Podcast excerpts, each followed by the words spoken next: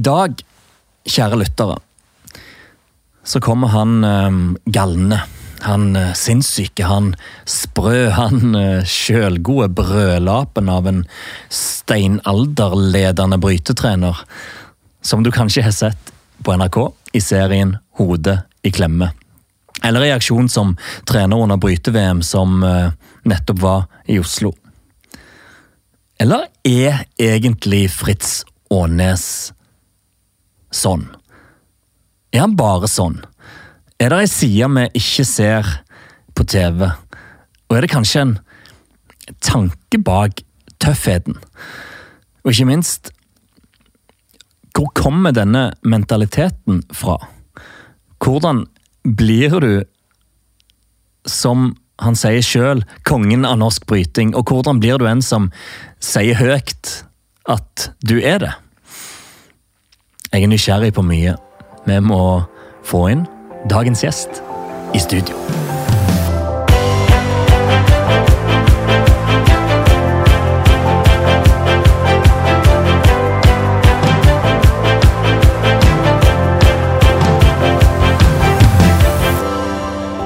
Navn, Fritz Aanes. idrett, Bryting. moderklubb, Eh, Narvik atletklubb. Første konkurranseminne. Oi, det er mange år tilbake. Det må vel være når jeg ble norgesmester for første gang som tiåring på hjemmebane i Narvik. Vant du? Ja. Enkelt og greit.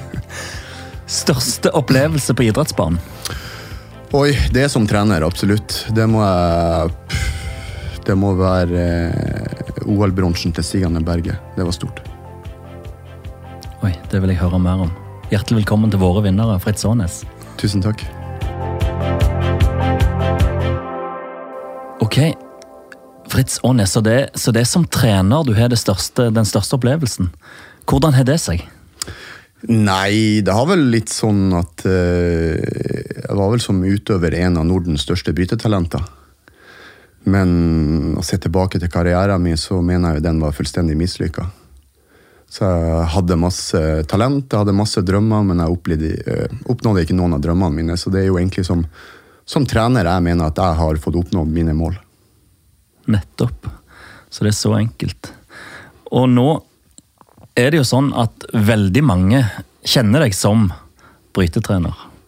Gjennom eh, NRK-serien Hode i klemme og gjennom bryte-VM som nettopp var. Eh, hvordan er det å være i en tilværelse der alle plutselig kjenner til dette, alle i hermetegn? Nei, det er jo litt spesielt, da. Eh, Jeg hadde jo en absurd opplevelse her jeg sto eh, eh, i en bar, faktisk. Vi var ute og tok noen øl med noen venner, og så kom det plutselig ei dame opp til meg og eh, lurte på om vi kunne ta et bilde i lag. Der jeg sa ja, det kan vi godt.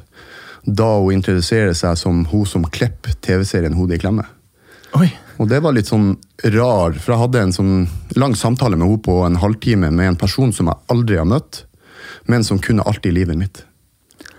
Så det var en sånn en, eh, rar følelse at folk som du aldri har møtt eller kjenner, vet alt om deg. Så det var litt spesielt. Hvordan oppleves det å på en måte eh, vite at du blottlegger deg som du gjør? Nei, jeg tenkte ikke så mye på det. Det var egentlig bare en litt sånn rar opplevelse. Og eh, det var, ja, det var en ny situasjon fra min side. Hvordan er responsen? Du, eh, den er kjempebra. Jeg hadde jo, Etter den introen og første episode gikk, så hadde jeg jo forventa at jeg kommer til å få masse hatmeldinger og eh, bombardert på innboksen og sånne ting, men det har dessverre bare vært ei hatmelding. Og det er jeg faktisk litt skuffa over. Hvorfor er du skuffa? Nei, for jeg hadde trodd jeg liksom skulle bli fremstilt verre, da. Men uh, klart, jeg mener jo det er jo klippet litt hardt der, og klart jeg forstår også det at de skal lage TV-show, og, og ja, publikum skal frem. Men uh, nei, jeg vet ikke. Jeg hadde forventa flere folk som ikke liker meg. eh, og ikke liker typen og fremgangsmåten og metodene som jeg jobber på. For det er jo ikke noe tvil om at eh, enten så hater du meg, eller så elsker du meg. Det er enten svart eller hvitt med Fritz Aane. Så det er ikke alle i Bryte-Norge som elsker meg, for å si det sånn. Hvorfor ikke?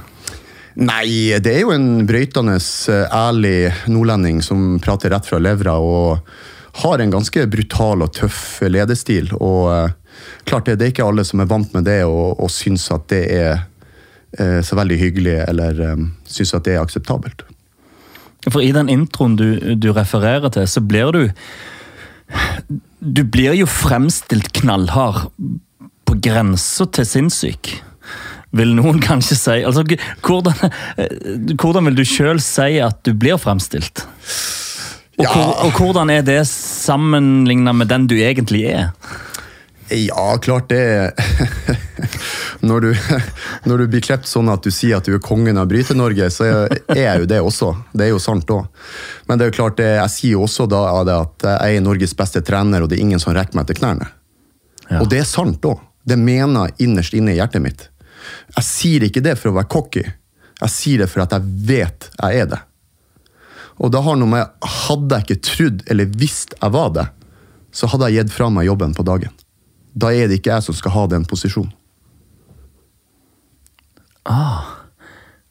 Hvor Skal jeg, liksom, Spørsmålet jeg egentlig hadde tenkt å stille nå ut for det, var hvor kommer den sjøltilliten fra? Men sånn du legger det fram, så handler det jo om en eh, bevissthet på hvor en er, sammenlignet med andre. Sånn du sier det nå. Ja, absolutt. Eh, Jeg vet eh, hvilken erfaring jeg har, og jeg vet den kunnskapen jeg har. Og jeg er ganske trygg på at, eh, at den trenertypen jeg er, vil noen ha problemer med. Men hvis du hører på meg og stoler på meg, så vil du gjøre resultater. Og det har jeg jo bevisst også. Men er det uenighet i Bryde Norge om at du er best? Jeg tror nok ikke det er uenighet om at jeg er best. Det tror jeg ikke, Men det er vel en del som ikke liker personen Fritz Aanes og fremgangsmåten jeg gjør det på. Fordi du mener, de mener du er for tøff? Ja, de mener vel jeg er for tøff, og så er det sånn at uh, de mener, mener vel det at jeg burde hatt en litt mer eh, menneskelig, medgjørlig stil og uh, ja, mer respekt for andre folk, da, måten jeg prater til dem på. Men fra min side så handler det ikke om respekt for andre mennesker, det handler bare om at jeg er klar og tydelig i tonen og ærlig. Og, men har du noen gang tenkt at uh, Nå, Fritz, nå er du for tøff? Å ja, jeg har gått over streken mange ganger. Det har jeg. Oi, det er mange ganger jeg angrer på det jeg har gjort. Det har jeg gjort. Det har vært mange mange situasjoner med både personer og utøvere der jeg har dratt han litt for langt. da. Og så enkelte ganger så må man jo be om unnskyldning for det man har sagt og gjort. For det er jo ofte i, i oppheta situasjoner man sier og gjør ting som man ikke mener 100% men ja, det er sånn engasjementet blir når du, når du brenner for noen ting. Så er det det. Men i hvor stor grad er dette Er den tøffheten basert på den du er? Og i hvor stor grad er den basert på at du mener det er rett måte å være leder på? Ja, jeg mener det, altså. At eh, altså jobben min er å produsere eh, resultater i bryteverden. Norge er et veldig lite, lite land i bryteverden. Vi har kanskje de minste budsjettene i hele verden. Og det er klart, Jeg er ansatt i norsk bryting for å skape råtasser og resultater. Og da må du gjøre, eller ha en X-faktor som får utøverne dine til å ekstreme det ytterste. Fordi at hver gang vi tar en medalje, så bruker jeg å sammenligne det som at hver gang Norge tar en medalje i bryting, er det samme som San Marino tar en medalje i fotball-VM eller EM. Så liten er vi i verden. Oi! Så det er klart at du må få frem en, en råhet og skape noen ting som de norske bryterne har en X-faktor, og det er råskap og tøffhet. For vi kan ikke konkurrere med, med penger. Vi kan ikke konkurrere med eh, systemer som de har rundt omkring i verden. Vi kan ikke konkurrere med antall trenere, oppfølging, penger. altså helt Alt det der kan vi ikke konkurrere mot de andre store nasjonene. Så vi må finne en X-faktor som er det at vi må lage tøffe vikinger som er ute der og er villige til å blåføre i drakta si da, for å få en medalje til Norge. Og de er villige til å gjøre hva som helst for å få det til. Og det er jobben min, å skape sånne utøvere. Men hvorfor, hvorfor er det sånn at Norge er som San, Marino? Er det mangel på kultur? Er det mangel på forståelse for idretten dere driver med? Ja, det er nok litt blanda, men hovedsakelig er jo det at, at bryting er jo ikke en stor idrett i Norge. Men verdensbasert er det jo en veldig stor idrett. Ja. Eh, Det viser jo bare det at eh, når vi arrangerte VM i Oslo nå, så er det jo det nest største toppidrettsarrangementet som har blitt arrangert i Norge etter OL på Lillehammer. Så det er ikke noen småting vi snakker om her. Og ennå var det jo korona, da. Så det var vel en, en 30 mindre deltakere enn vanlig. Ja, det sier jo litt om brytingens posisjon, da.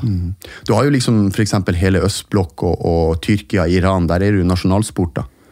Armenia, Turkmenistan, Aserbajdsjan. Du har alle de landene der der det er nasjonalsporter. Det er jo bare å se på eh, et OL, og så sitter du og ser på eh, alle flaggbærerne som går inn for nasjoner.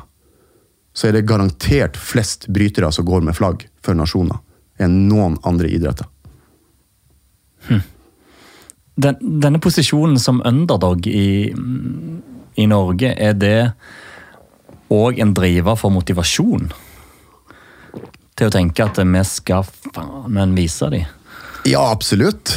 Det er jo selvfølgelig eh, Det handler om, om, om, om å være tøff nok. Vi har tre verdier i landslaget vårt. Det er lojalitet, der vi stiller opp for hverandre om å backe hverandre hele tida. Det er råskap, og det er ta plass. Å ta plass mener vi med det at når du kommer inn i en oppvarmingshall eller en treningshall i bryting, så er det altså det, det, er som en, det, det er som en jungel der. Det er, en, er en zoologisk hage med, med skikkelig griser inn på matta der. Og det er klart det, Hvis du ikke tar plass og viser at du er der, og begjærer eller krever at de andre skal respektere deg, så blir du spist opp. Og det mener vi med ordet ta plass, at du må tørre å vise Hei, jeg er også en tøffing. Ikke kom her og dytt meg unna. Dette er plassen min, og den skal jeg ha. Og da kan jeg se for meg at gjennom måten du da tar plass, så setter du et eksempel for dine utøvere hvordan de er nødt til å gjøre det samme. Ja, absolutt. Det var jo selvfølgelig Når jeg starta som trener i Norges Brytforbund, så starta jeg med ungdom og junior. og klarte Vi starta den sentraliseringsmodellen som er nå blitt en suksess i norsk bryting, og i Idretts-Norge òg, da. Eh, det første jeg måtte starte med, var jo den kulturendringa der. For tidligere altså, Norge hadde en stor periode under Jon og Lars Rønningen, Stig Kleven og, og den perioden der Klaus Mysen tok en medalje, og det var tøffe gutter. Og etter det så kom jo tid, eh, og der var det litt mer sånn her at det var ok å tape, så lenge du gjorde en bra innsats. Og det var ingen som krevde at du skulle ta medaljer. Det var ingen som ble sur på deg. Det var alltid god stemning og feira med middag og noen pils etter mesterskap, selv om ingen hadde tatt medalje. Så det var liksom det første jeg tenkte som måtte snus når jeg kom inn. Hei, jeg forventer at dere vinner. Hvis ikke så sløser du tida mi. For jeg bruker hele tida mi og hele livet mitt på dere. Og da forventer jeg at dere gir 100% og tar medaljer. Og skulle dere tape, så er det helt ok hvis dere blør for drakta deres. Men gjør dere ikke det, så er det ikke ok. For jeg ofrer også veldig mye, selv om de ofrer også veldig mye. Så må vi alle blø for drakta for å få det her til. Hvis ikke så sløser jeg tida mi.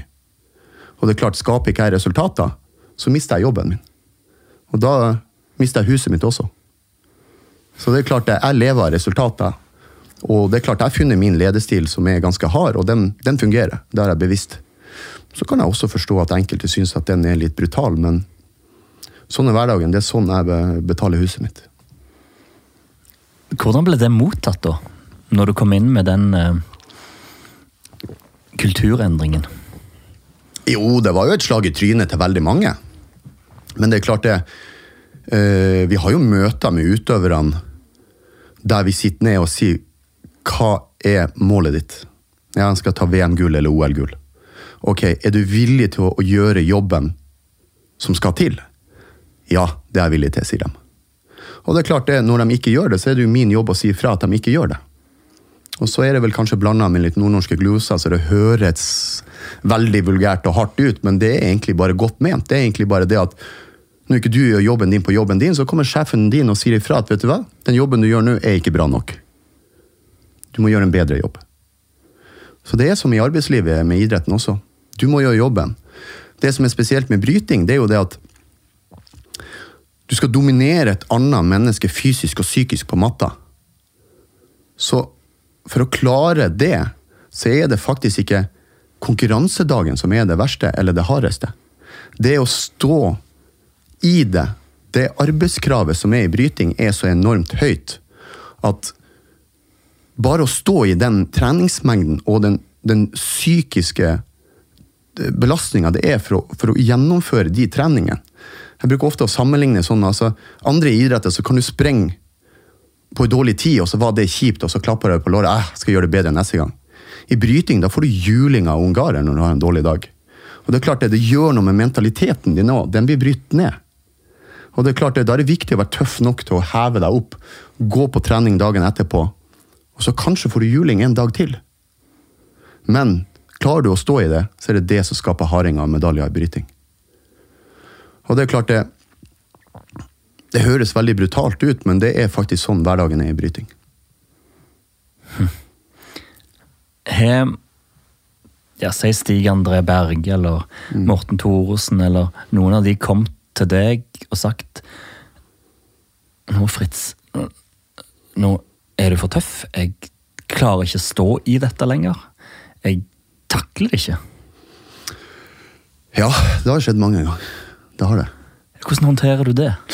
Nei, det er, jo, det er jo perioder der, spesielt når det begynner å nærme seg mesterskap, og, og, og, vi er oppe på den verste intensiteten, der kroppen er sliten, du kanskje begynt å gå ned i vekt, du får ikke spist som vanlig, det er to harde treninger om dagen.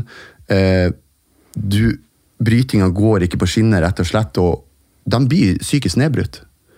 Og det er jo klart det, når, voksne gutter som mange ser på som de tøffeste utøverne i Norge, kommer med tårer i øya til meg, og, og, de vil reise hjem.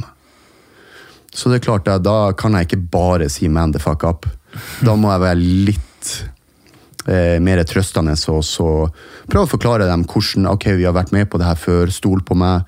Så bruker jeg alltid å spørre ja, liksom, stoler du 100% på meg. Og da får jeg som regel ja, da. Og da sier jeg ja, men da må du stole på meg. For det er det her som skal til. Men klart, det er, det er merkelig å, å stå foran en, en, en, tøff utøver som står med tårer i øynene og har lyst til å gi opp. Men klart, det, det er jobben min å få, få han hard nok til å gå på trening dagen etterpå. Er det av og til, eller noen gang, en indre konflikt i deg mellom eh, empatien og tøffheten? Mange ganger. Ja. Veldig ofte. Det er jo eh, Det er jo som Stig sier i TV-serien, at han har hata meg veldig mange ganger. Men det er klart det, det De hater meg veldig ofte, for jeg presser dem til en viss grense der det er det, det er på knivbladet i forhold til det bikker over. Og det har bikka over noen gang. Jeg har også gjort feil der vi har kjørt han for langt. Men det er jo erfaring som jeg må ta med videre òg, som jeg lærer av. Også trenerne må lære hvor langt kan du tøye strikken. Og det er jo litt spennende å se forskjellige mennesker, hvor langt kan du tøye den strikken? Og det er jo klart, det, det har jo vært masse episoder der jeg krangla med, med utøverne åpenlyst. Blant annet et, et eksempel ca. en og en halv, to måneder før VM i Oslo så hadde jeg en, en, en konflikt angående eh, Eller ikke konflikt, men høylytt diskusjon med Oskar Marvik. Hva han skulle gjøre, og hvilket program han skulle kjøre. Der det endte opp at jeg sa det at hvis han ikke kjøre, kjørte det jeg sa, så måtte han finne seg en annen trener. Oi. Så da eh, ble det noen nordnorske gloser, litt eh, høylytt overkjøring der fra min side, til til slutt at han Ja, jeg stoler på deg, Fritz. Ok, jeg kjører ditt program. Og det lønte seg, det. Ja, det lønte seg. For Oskar Marvik er altså han som tok bronse og tok medaljen. Men hvordan, men hvordan responderte han umiddelbart på det, da? Nei, klart det. Når du er såpass hard og, og, og direkte med utøverne, så, som alle andre mennesker, så bunner de jo å gå i forsvarsposisjon med en gang. Og da bruker jeg alltid å si til dem det at Hør nå her. Jeg er treneren din. Jeg lever de resultatene dere gjør. Tror du virkelig at jeg presser deg til å gjøre noen ting som gjør deg til en dårligere bryter? Tror du virkelig det? Jeg lever jo av deres resultater. Tror du jeg vil at du skal bli en dårligere bryter? Og da er jo svaret nei. Ok, da er vi ferdig diskutert. Det er interessant. For du hadde jo vært i hermetegn en ganske dum trener hvis du hadde pressa de til å gjøre ting som gjorde de til dårligere idrettsutøvere. Ja. Men det er ikke alltid så lett å forstå det for dem heller. Det er jo det jeg kommer tilbake, som jeg nevnte tidligere, at det, det, det arbeidskravet som er i bryting, er så ekstremt. At det, det er ingen mennesker i verden som orker å stå i det hele tida. Du må bli pressa. Så kan det høres brutalt ut, men bryting er verdens hardeste sport. Og det er brutalt. Og det er, det er ikke for alle heller. Bryting, toppidrett. Bryting er for alle.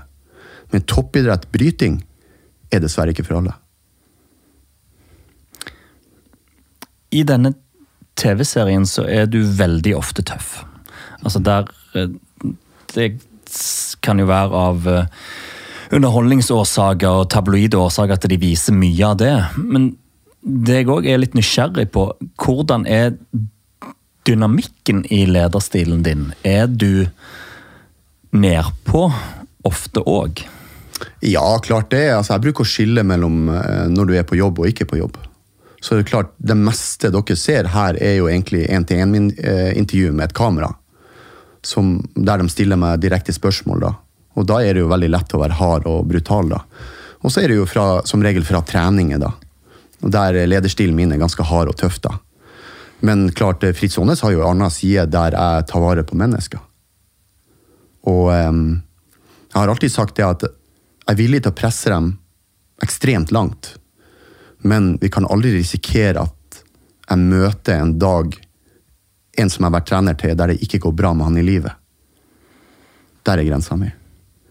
Så jeg har jo vært med på å sagt til utøvere at nå er det nok, nå må du legge opp. Der de ikke har vært så enige i meg. Der jeg nesten har pressa dem til å lagt opp pga. at uh, det her er ikke bra for deg lenger.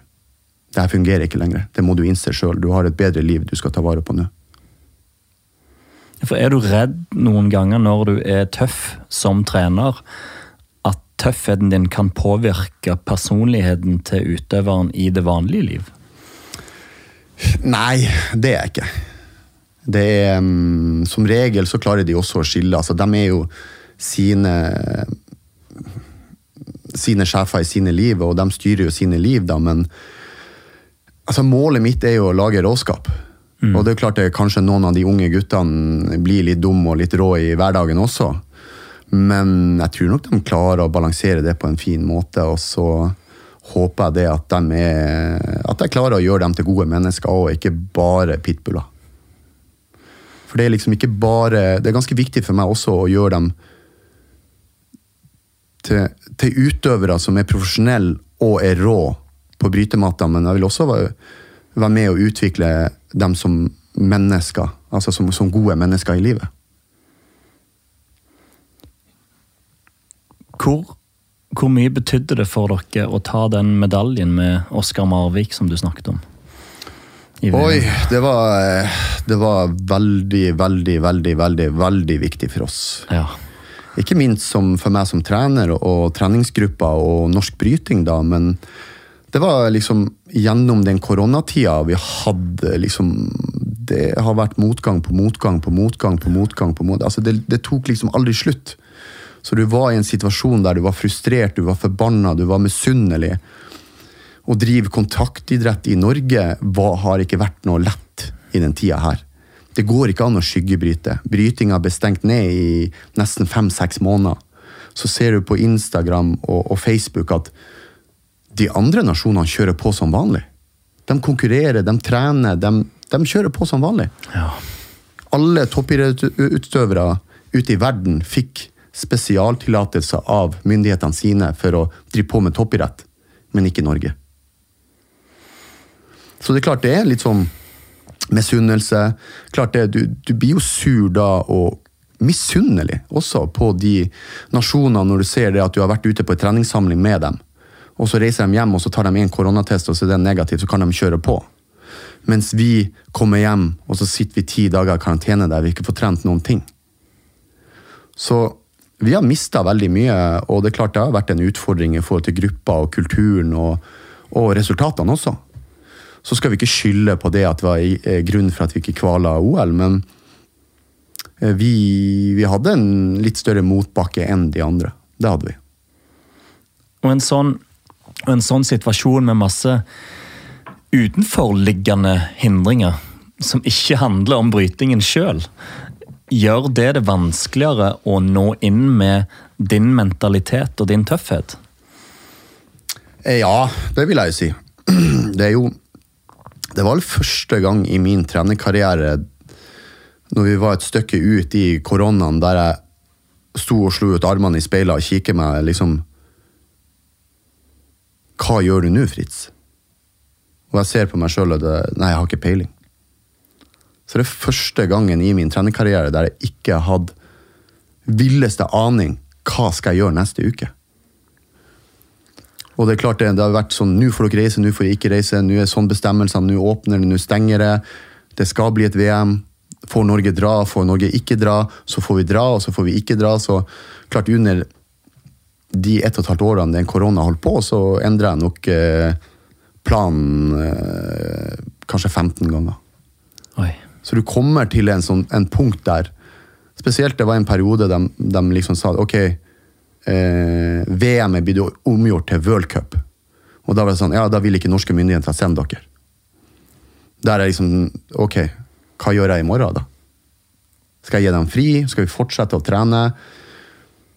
Eh, ja, jeg var helt frustrert. Jeg visste ikke hva jeg skulle gjøre.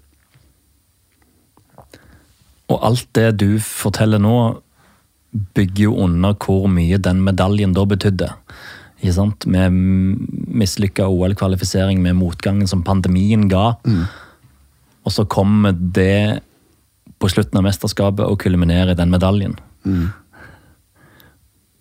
Hva skjer inni deg eh, i det øyeblikket der?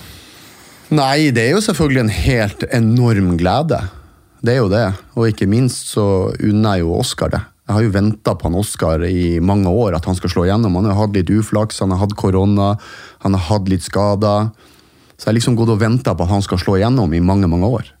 Og klart, når du ser en utover slår igjennom, og ikke minst den gleden når han har fått medaljen og vært på pallen og vi kommer på bakrommet på oppvarmingshallen, der alle guttene i treningsgruppa de står og venter på han for å feire med han.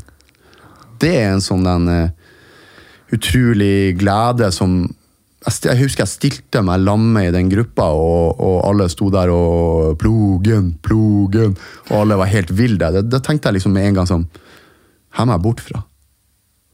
Så da sneik jeg meg bare bakgrunnen, og så gikk jeg inn i den båsen som vi har, og satte meg på en stol der i fem minutter, litt alene, og ja, tenkte litt for meg sjøl, og så gikk jeg tilbake igjen. Men det er klart det, det Men hvorfor måtte du bort? Nei, det blir litt sånn Det kommer tanker der. Jeg er også nødt til å ventilere litt i, grann for meg sjøl. Eh, det er ikke det at jeg går bort der og, og, og feller en tåre, eller noe sånt, men jeg trenger et par minutter for meg sjøl og uh, slappe litt av før jeg liksom går tilbake til de. For kommer det opp mye følelser, da? Ja, klart det. Det, det kommer jo opp eh, all motgang og, og eh, det vi har stått i, da. Og det er jo klart, det, er jo som jeg sa, det er, det er jo perioder man, man opplever at man står til drit opp til knærne, og man må stå i det. Og det er ikke noe hyggelig. Og du vet at kritikken hagler inn. Og jeg kan bare tenke meg hva Bryte-Norge sier om Fritz Aanes. ikke sant? Man har jo de tankene, man òg. Så det er klart det er en befrielse når du endelig leverer en medalje på hjemmebane. Om det hadde vært bronse, sølv eller gull. Nå ble det bronse, da, men det var gull verdt for oss.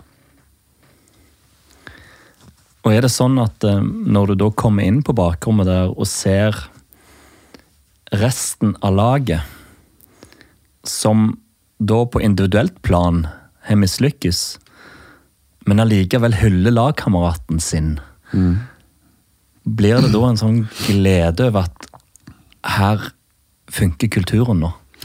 Ja, absolutt. Det er jo En av verdiene våre er jo lojalitet. Ja. Og det er jo som jeg alltid sier, og de som tar medaljer sier jo det også, det er jo det at det er ikke personen som vinner medalje. Det er gruppa, treningsgruppa som vinner medalje. For denne gangen kanskje er det du som vinner, men neste gang så kan det være du. Og det er klart det, når du er lojal med hverandre, så vinner alle den medaljen. Klart det er en person som sitter hjemme med den medaljen på veggen, men det er klart som gruppe så har vi en mentalitet at alle vinner de medaljene vi tar. det er gruppa som vinner de medaljene. For det er, det er òg en tydelig kvalitet som kommer fram i denne serien, i tillegg til tøffheten og den mentaliteten som skal til for å bli best i bryting. At det, er, det virker som det er en ekstrem samhandling i den gjengen. Ja, det stemmer nok, det. Det er jo For det første så er det jo en gruppe som, som er mer i lag med hverandre enn familien sin, eller kjærestene sine. Ja. Og så reiser de jo mellom alt ifra hvilken sesong det er, mellom to, 150 og 200 reisedøgn i lag, der man ligger i senga i lag og man er med trenere, ledere, eh, utøvere hele tida. Så det er klart, man bruker mye tid i lag òg. Og så er det jo veldig lett å sammenligne og backe hverandre. for at i den som jeg pratet om tidligere, det, det arbeidskravet, da Det er ikke alltid det fysiske som er det tøffeste. Det kan være det mentale.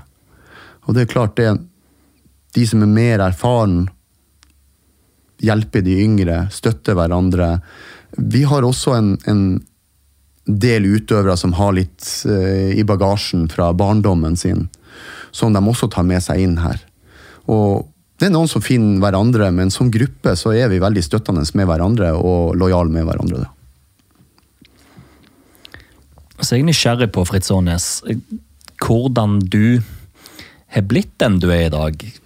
Både, som du sier sjøl, kongen av Bryte-Norge, og hvordan du er blitt en person som sier sjøl at du er kongen av Bryte-Norge. Hvor, hvor, starta dette? Hvor kom du fra? Nei Hvordan ble du bryter? Eh, hvordan jeg starta med bryting, det var jo faktisk eh, Du er født og oppvokst i Narvik, og Narvik er jo en gammel bryteby. Og eh, faren min var bryter. Onklene mine var bryter. Morfaren min var òg bryter. Så det kom fra begge sider. Og det er klart, det, det var ikke noe Det var ikke så mye valg jeg hadde. Jeg fikk også spille fotball. Men det er klart det var bryting som var viktigst. Jeg spilte vel fotball og brøyt opp til jeg var en sånn 15 år. Og da husker jeg faren min spør meg ja, Fritz, nå må du velge. Og da tenkte jeg ja, ja det blir bryting, sa han. Så da var okay. fotball ute. så det er jo litt sånn mentalitet. Jeg husker også blant annet når jeg var yngre. Faren min var, var ganske lik type som meg da. Jeg husker hver søndag måtte jeg løpe. Og da hadde eh, Som ung gutt så, så, hadde På jobben til faren min hadde vi et basseng. Så hver søndag var vi og bada. Men det er klart det er åtte kilometer til jobben til faren min. Og det er klart det For å få bade så måtte jeg løpe til jobben. Mens Oi. faren min kjørte. Så hver søndag sprang jeg åtte kilometer for å få lov til å bade i det bassenget. Og eh, kanskje mange syns at det er en ganske brutal eh, oppdragelse. Men i ettertid så er det jo en mentalitet. Skal du ha noe, så må du yte noe eller ofre noe. Ja. Så det var kanskje det han prøvde liksom å sette inn. at Skal du bli god, så må du trene. Skal du få noe, så må du yte noe. Så hver søndag så sprang jeg åtte kilometer, og da fikk jeg lov til som bonus da å bade. Og når jeg ble litt eldre, da, så måtte jeg også trene en time styrke. Så det, det bygde litt på seg der. Men husker du hvordan du syns det var som liten sjøl? Følte du sjøl at det var urimelig? Nei, ikke urimelig, det syns jeg ikke. Men uh, det var ikke hver gang at jeg hadde lyst til å springe de åtte km. det var det ikke. Fordi uh, det var jo andre barn som var bada der òg. De måtte ikke løpe.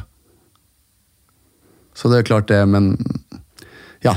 Som regel så syns jeg det var greit. Jeg var ganske aktiv uh, som barn og likte å trene mye òg, men det er klart ikke hver søndag jeg hadde lyst til det. Det fins jo en vinter òg. Ja. Spesielt når du bor i Nord-Norge. Ja, det kan jeg levende se for meg. Fy søren. Men så ble du, som du sa i innledningen her, da norgesmester eh, da du var ti år. Mm. Hvordan var brytehverdagen din da? Nei, det var jo eh, Når jeg var ti år, så var det jo brytetrening tre ganger i uka, og så var det fotballtrening to-tre ganger i uka. Ja. Og så var det jo litt ekstra egentrening med faren min. da. Så det er egentlig det som var, og det var jo utrolig oppvokst i, i idrettsfamilie. Vi var jo blant annet ikke Vi var ikke på ferie, familien vår, vi var på treningssamlinger. Jeg har jo søster som har drevet på med bryting, som har masse masse medaljer på EM og VM. Og så har jeg enda store søster som har holdt på med fotball og håndball og sånne ting. da. Så familien min brukte penger på idrett, ikke på ferie. Ja. Var omgivelsene, familien din, din far, tøff med deg på samme måte som du er tøff med dine nå? Ja, det vil jeg si. Men han var vel litt tøffere med meg enn han var med søstrene mine. For jeg husker søstera mi slutta å bryte en periode. Det var helt ok. Og så prøvde jeg å slutte en periode. Det var ikke ok. Så det gikk ikke. Så eh, Men, men. Sånn er det. Jeg er utrolig glad for det i dag, at han har gitt meg det. Det. Så sa du innledningsvis Du var ganske hard med din egen karriere og kalte han fullstendig mislykka. Hvorfor ble det sånn? Nei, altså Jeg vet ikke. Det er stort talent og, og, og mange store drømmer, men det, altså systemet i Norge var ikke så profesjonelt da. Det var en av grunnene for at jeg, jeg For først skulle jeg ikke bli trener. Og så var det et par stykker som lurte meg til å bli trener da. Men når jeg ble trener, så skjønte jeg med en gang at hvis jeg skal bli trener, så skal jeg forandre alt. Da skal det være min vei. Og jeg skal bli trener for at vi skal ta medaljer på EM, VM og OL. Ikke sånn som jeg holdt på i karrieren min. Det må være en rød tråd gjennom det, det må være en trener som er er dedikert. Det må løftes opp på et internasjonalt nivå, alt sammen. Vi er nødt til å reise mer. Vi er nødt til å gjøre det som kreves for å ta medaljer. Og målet mitt var jo egentlig det når jeg, når jeg kom inn og starta, var jo egentlig bare det at nå skal jeg vise dem hva jeg er god for, og så skal jeg ta over hele sjappa. Og det var jeg 100 overbevist om at jeg kom til å gjøre òg.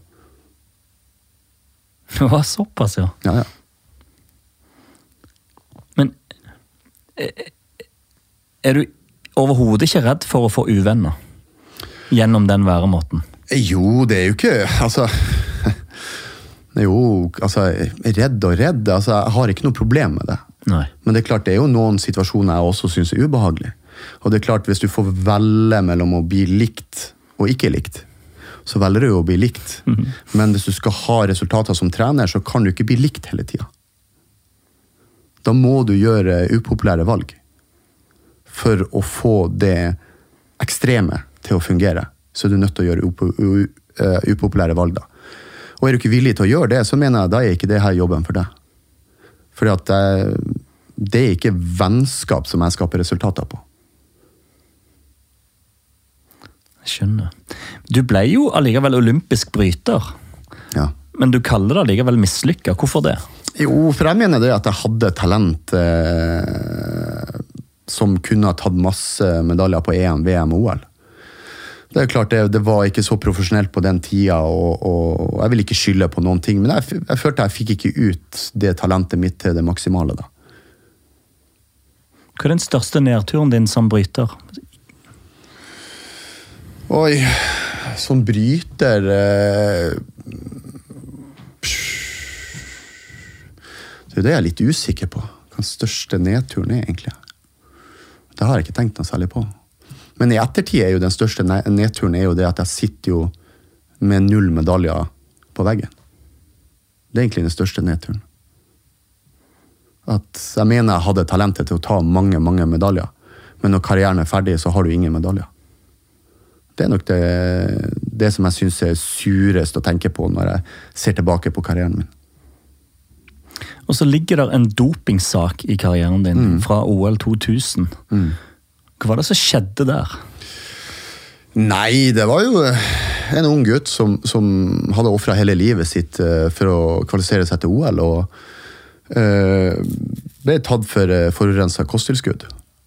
Og det er klart det som 22-åring, når du får den, når du endelig har kommet i rampelyset, endelig kvalifisert deg til OL, og få den i trynet og føle at det er urettferdig og ikke riktig, da, så er det jo en enorm nedtur, da. Det er jo klart det å i tillegg bli, bli utestengt ett og et halvt år. Eh, og det er klart det, det er litt surt at noen gjenkjenner meg om som bryteren som ble tatt i doping. Det svir noen gang. Det gjør det. Hva gjorde det med deg der og da? Ja, Der og da så ramler jo hele verden sammen. Den gjør jo det. Det var jo som 22-åring, ung gutt, eh, mista alle sponsorene på dagen, eh, røyk på magesår. Oi. Ja, det, det var en hard hverdag. Det var det. Hvordan kom du deg gjennom det, da? Nei, jeg gikk jo en stund på Nav i Sverige for å få penger.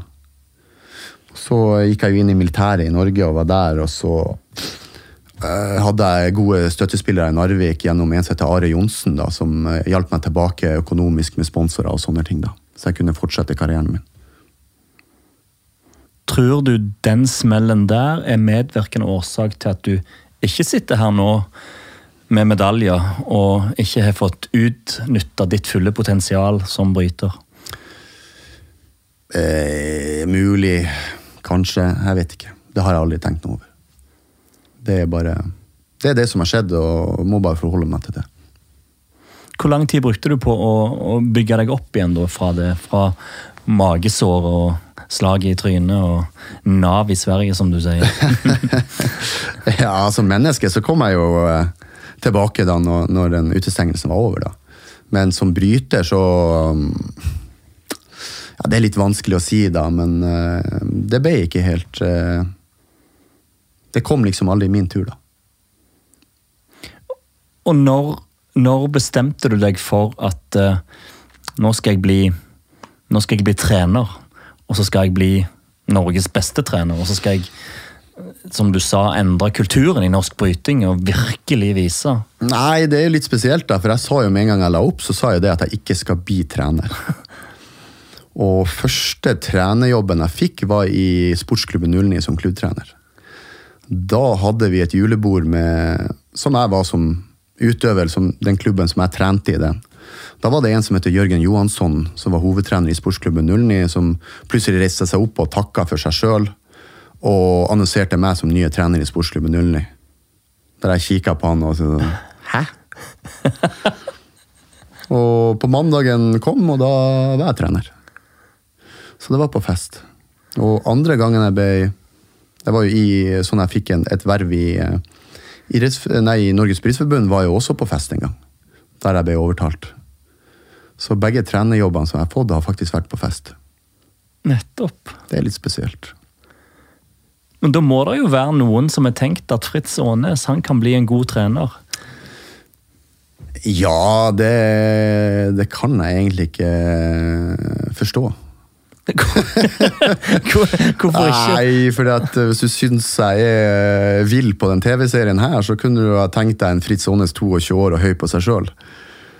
Hvordan var du da? Nei, Det var vel kanskje litt verre, da. Men. Enda verre enn de verste klippene fra Hodet i klemme nå? Ja, mest sannsynlig. Men hva legger du i det? Altså Måten du var med folk rundt deg? Nei, ikke det. altså Det er vel eh, nordnorsk brøytende cocky. Det er vel litt på den. Det er jo ikke klart, Du ser jo det fortsatt i personligheten min at jeg har det, men det var vel kanskje litt eh, Når man er ung, så er man kanskje litt mer høy på seg sjøl, da. Og hvordan skjønte du at det måtte justeres for at du skulle ja, bli da en, eh, en god brytetrener, f.eks.? Skjønte og skjønte. Det har vel med det at du blir eldre og du får barn og ja, du får litt andre syn på ting, tenker jeg. Det har jo forandra meg ganske mye da jeg fikk eh, dattera mi. Som jeg tenkte om litt stilen og hvordan jeg oppfører meg, og sånne ting, da, så kan jo folk si at shit, har han vært verre enn det jeg ser på TV? er det mulig? Ja, kanskje det. Når var det du fikk din datter? Når, når er det i, i, prosessen her? Eh, det er mm, Når jeg er 30 år, så um, er kona mi Anja gravid. Og jeg er på vei å avslutte karrieren min med at jeg skal kvalifisere meg til mitt tredje OL i 2008. Eh, der jeg da setter meg på fly og reiser ned til OL-kvalifiseringa. Og da når jeg våkner på morgenen, så får jeg en telefon fra kona mi der hun sier det, det er noe gærent med barnet, så vi må ta ut barnet tidligere. Tre måneder før tida. Oi. I uke 27, da. Der jeg da velger meg å sette meg på fly og reise hjem. Og uh, støtte kona mi i den situasjonen, da. Uh, der jeg sitter på bussen fra Gardermoen til uh, sykehuset, der jeg skjønner at nå er det ferdig. Så sånn avslutta jeg idrettskarrieren min. Oi. Hvordan er det å tenke tilbake på og, snakke om? Jo, det er jo selvfølgelig eh, litt spesielt, da. Men eh, jeg kan ikke si jeg angra på det valget. Det er jo ikke det. Klart du har et eh, nyfødt barn som ble født 600 gram. Der vi måtte bo en og en halv måned på sykehuset før hun var stor nok til å flytte hjem. da. Og det er klart i dag er hun 13 år og, og en sunn, frisk eh, jente. Så det er ikke noe man angrer på. det er det ikke.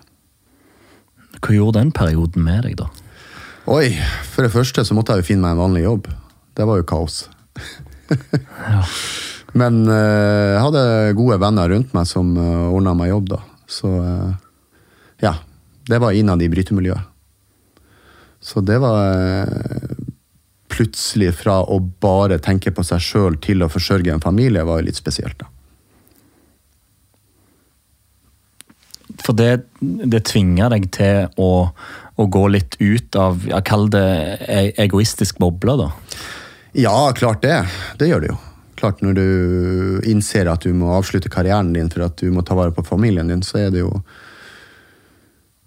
Nei, Jeg husker ikke så mye av det, for det var en sånn absurd situasjon. Mens det Jeg husker bare den bussturen jeg satt fra, fra Gardermoen inn til sykehuset, der jeg skjønte liksom at nå er det ferdig.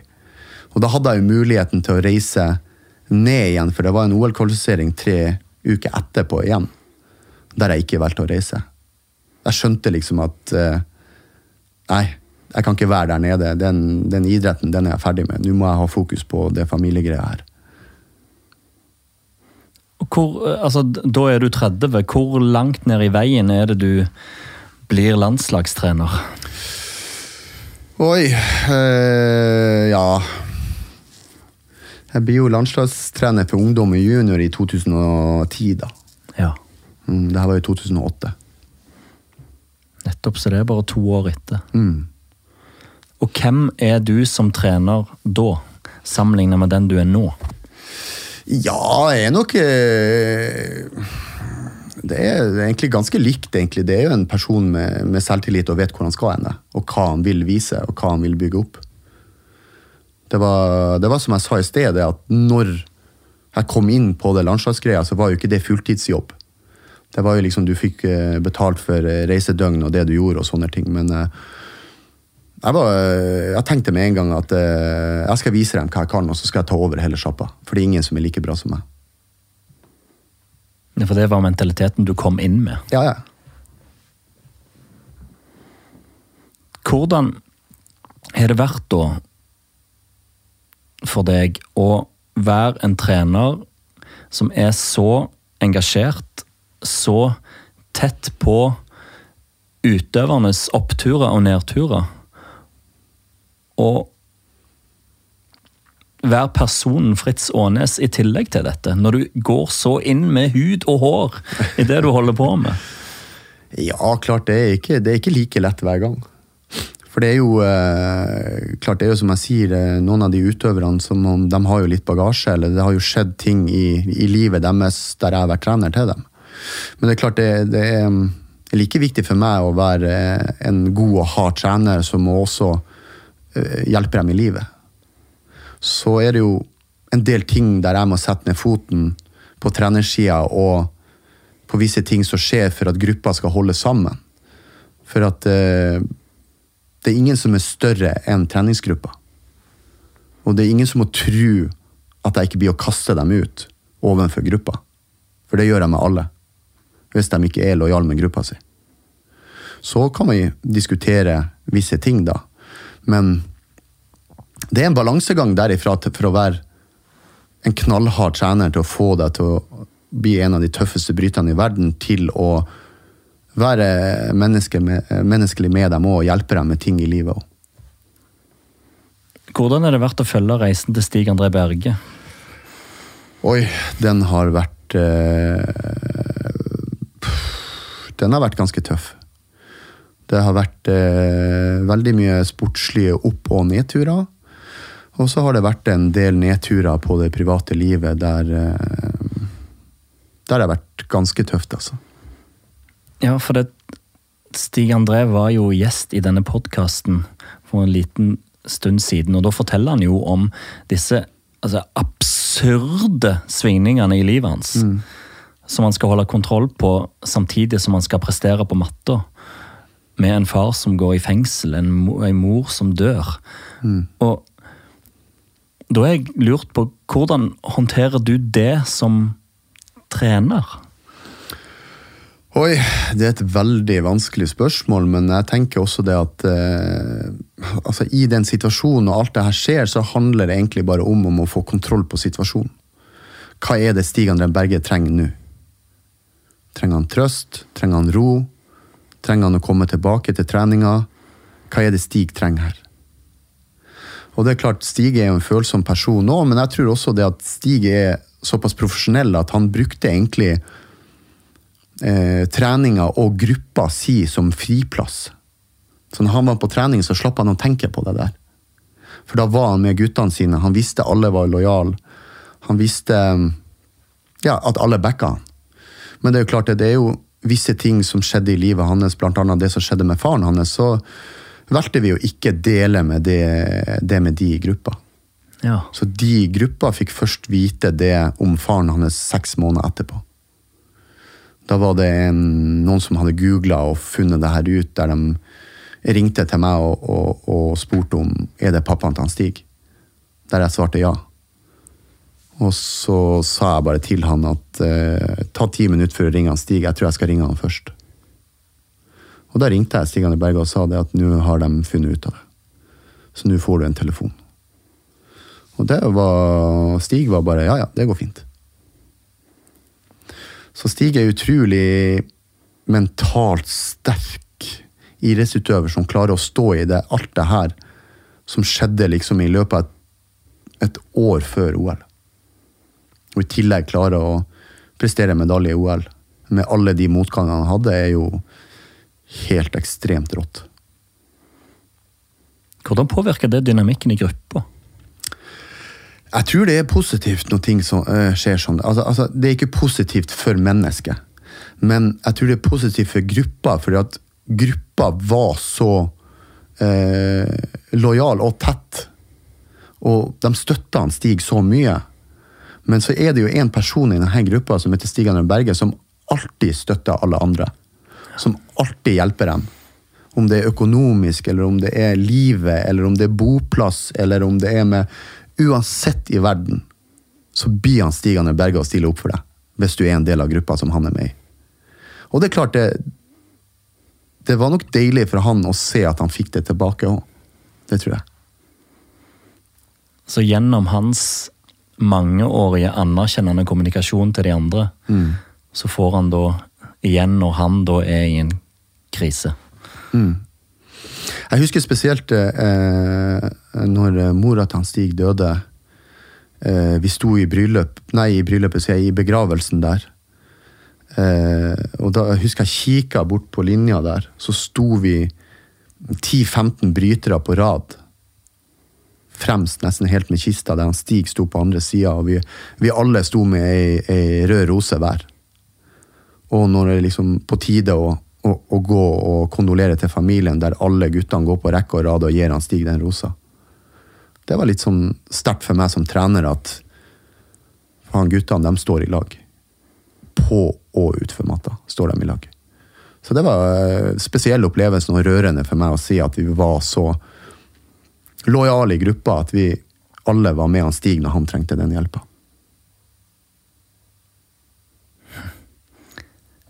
Er du komfortabel med at folk flest ser på deg som den hjerterå, knallharde, gale treneren framfor han som skaper den kulturen med en gjeng som står der med hver sin rose? Ja, det har jeg ingen problem med, for det er jo det som er jobben min.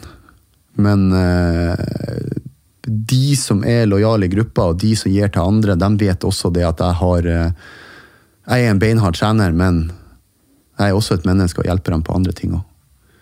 Så de, de som gir maks, de, de stoler på meg òg. Og de vet at hvis det er noe som skjer i livet deres, så blir jeg å hjelpe dem. Så det, du må skille litt det med å være trener og det med å være eh, venn, da. Hvordan er veien videre nå for Fritz Aanes? Nei, veien videre er jo det at uh, Ja, bryteverden ruller videre. Og det gjør jobben min òg, så det er bare å brette opp armene og kjøre videre. Hvor lenge tror du du kommer til å ha driven og gutsen og energien og viljen til å kjøre på i samme tempo og med samme trykk som du gjør nå? Eh, det har jeg tenkt på veldig mange ganger. Eh, Nå har jeg kontrakt med Bryteforbundet til 2024. Og så får vi nesten bare se når det begynner å nærme seg, om jeg har eh, driven og trucken til å kjøre videre. Det jeg er mest redd for, det er det at jeg skal sette på en autopilot som jeg bare gjør for å gjøre det. Der, dit vil jeg ikke komme. Jeg vil øh, avslutte når jeg sjøl vil avslutte, og når jeg kjenner sjøl nå er det nok. Istedenfor at du skal beholde den jobben noen år og kjøre på autopilot, for det blir ikke resultat av. Hvordan har du lyst at Fritz Aanes skal bli huska som trener? Uh, nei, jeg har egentlig lyst til å, å bli huska som den treneren som snudde kulturen i norsk bryting, som skapte resultater. Som lagde idrettshistorie. Som fikk uh, norsk bryting tilbake uh, i verdenseliten. Hva er drømmen i OL 2024, da? Det er jo selvfølgelig en gullmedalje. Det er jo selvfølgelig. Klart, Når du har vært med og, og på en bronsemedalje på OL og se hvor stort det er, og hvor mye følelser det skaper, til derifra å få en nasjonalsang på en OL-arena Klart, Nå har jeg kun vært med på nasjonalsanger på, på EM-arena. Eh, men klart det store drømmen og målet er jo for alle å få høre nasjonalsangen på en OL-arena.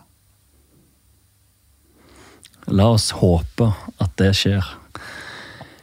Fritz Aanes, tusen takk for at du eh, kom hit i studio.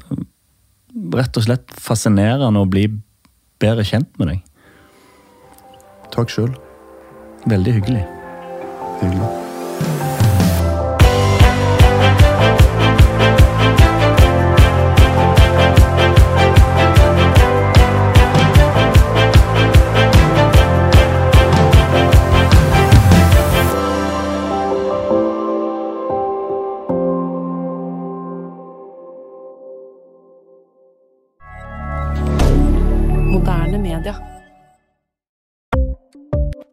Ukens annonsør er Folio, en smartere banktjeneste for deg som har en egen bedrift eller ønsker å starte for deg selv.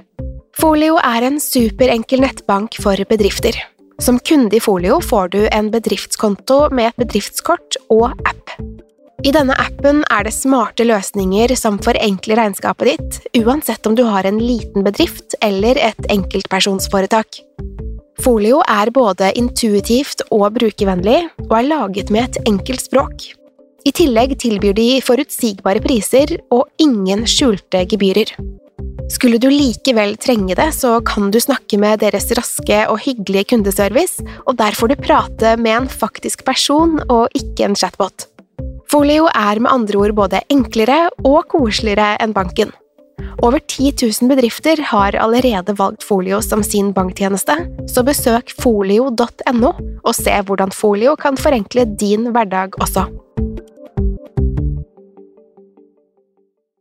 Har du et enkeltpersonforetak eller en liten bedrift? Da er du sikkert lei av å høre meg snakke om hvor enkelt det er med kvitteringer og bilag i fiken, så vi eh, gir oss her, vi. Fordi vi liker enkelt. Fiken superenkelt regnskap.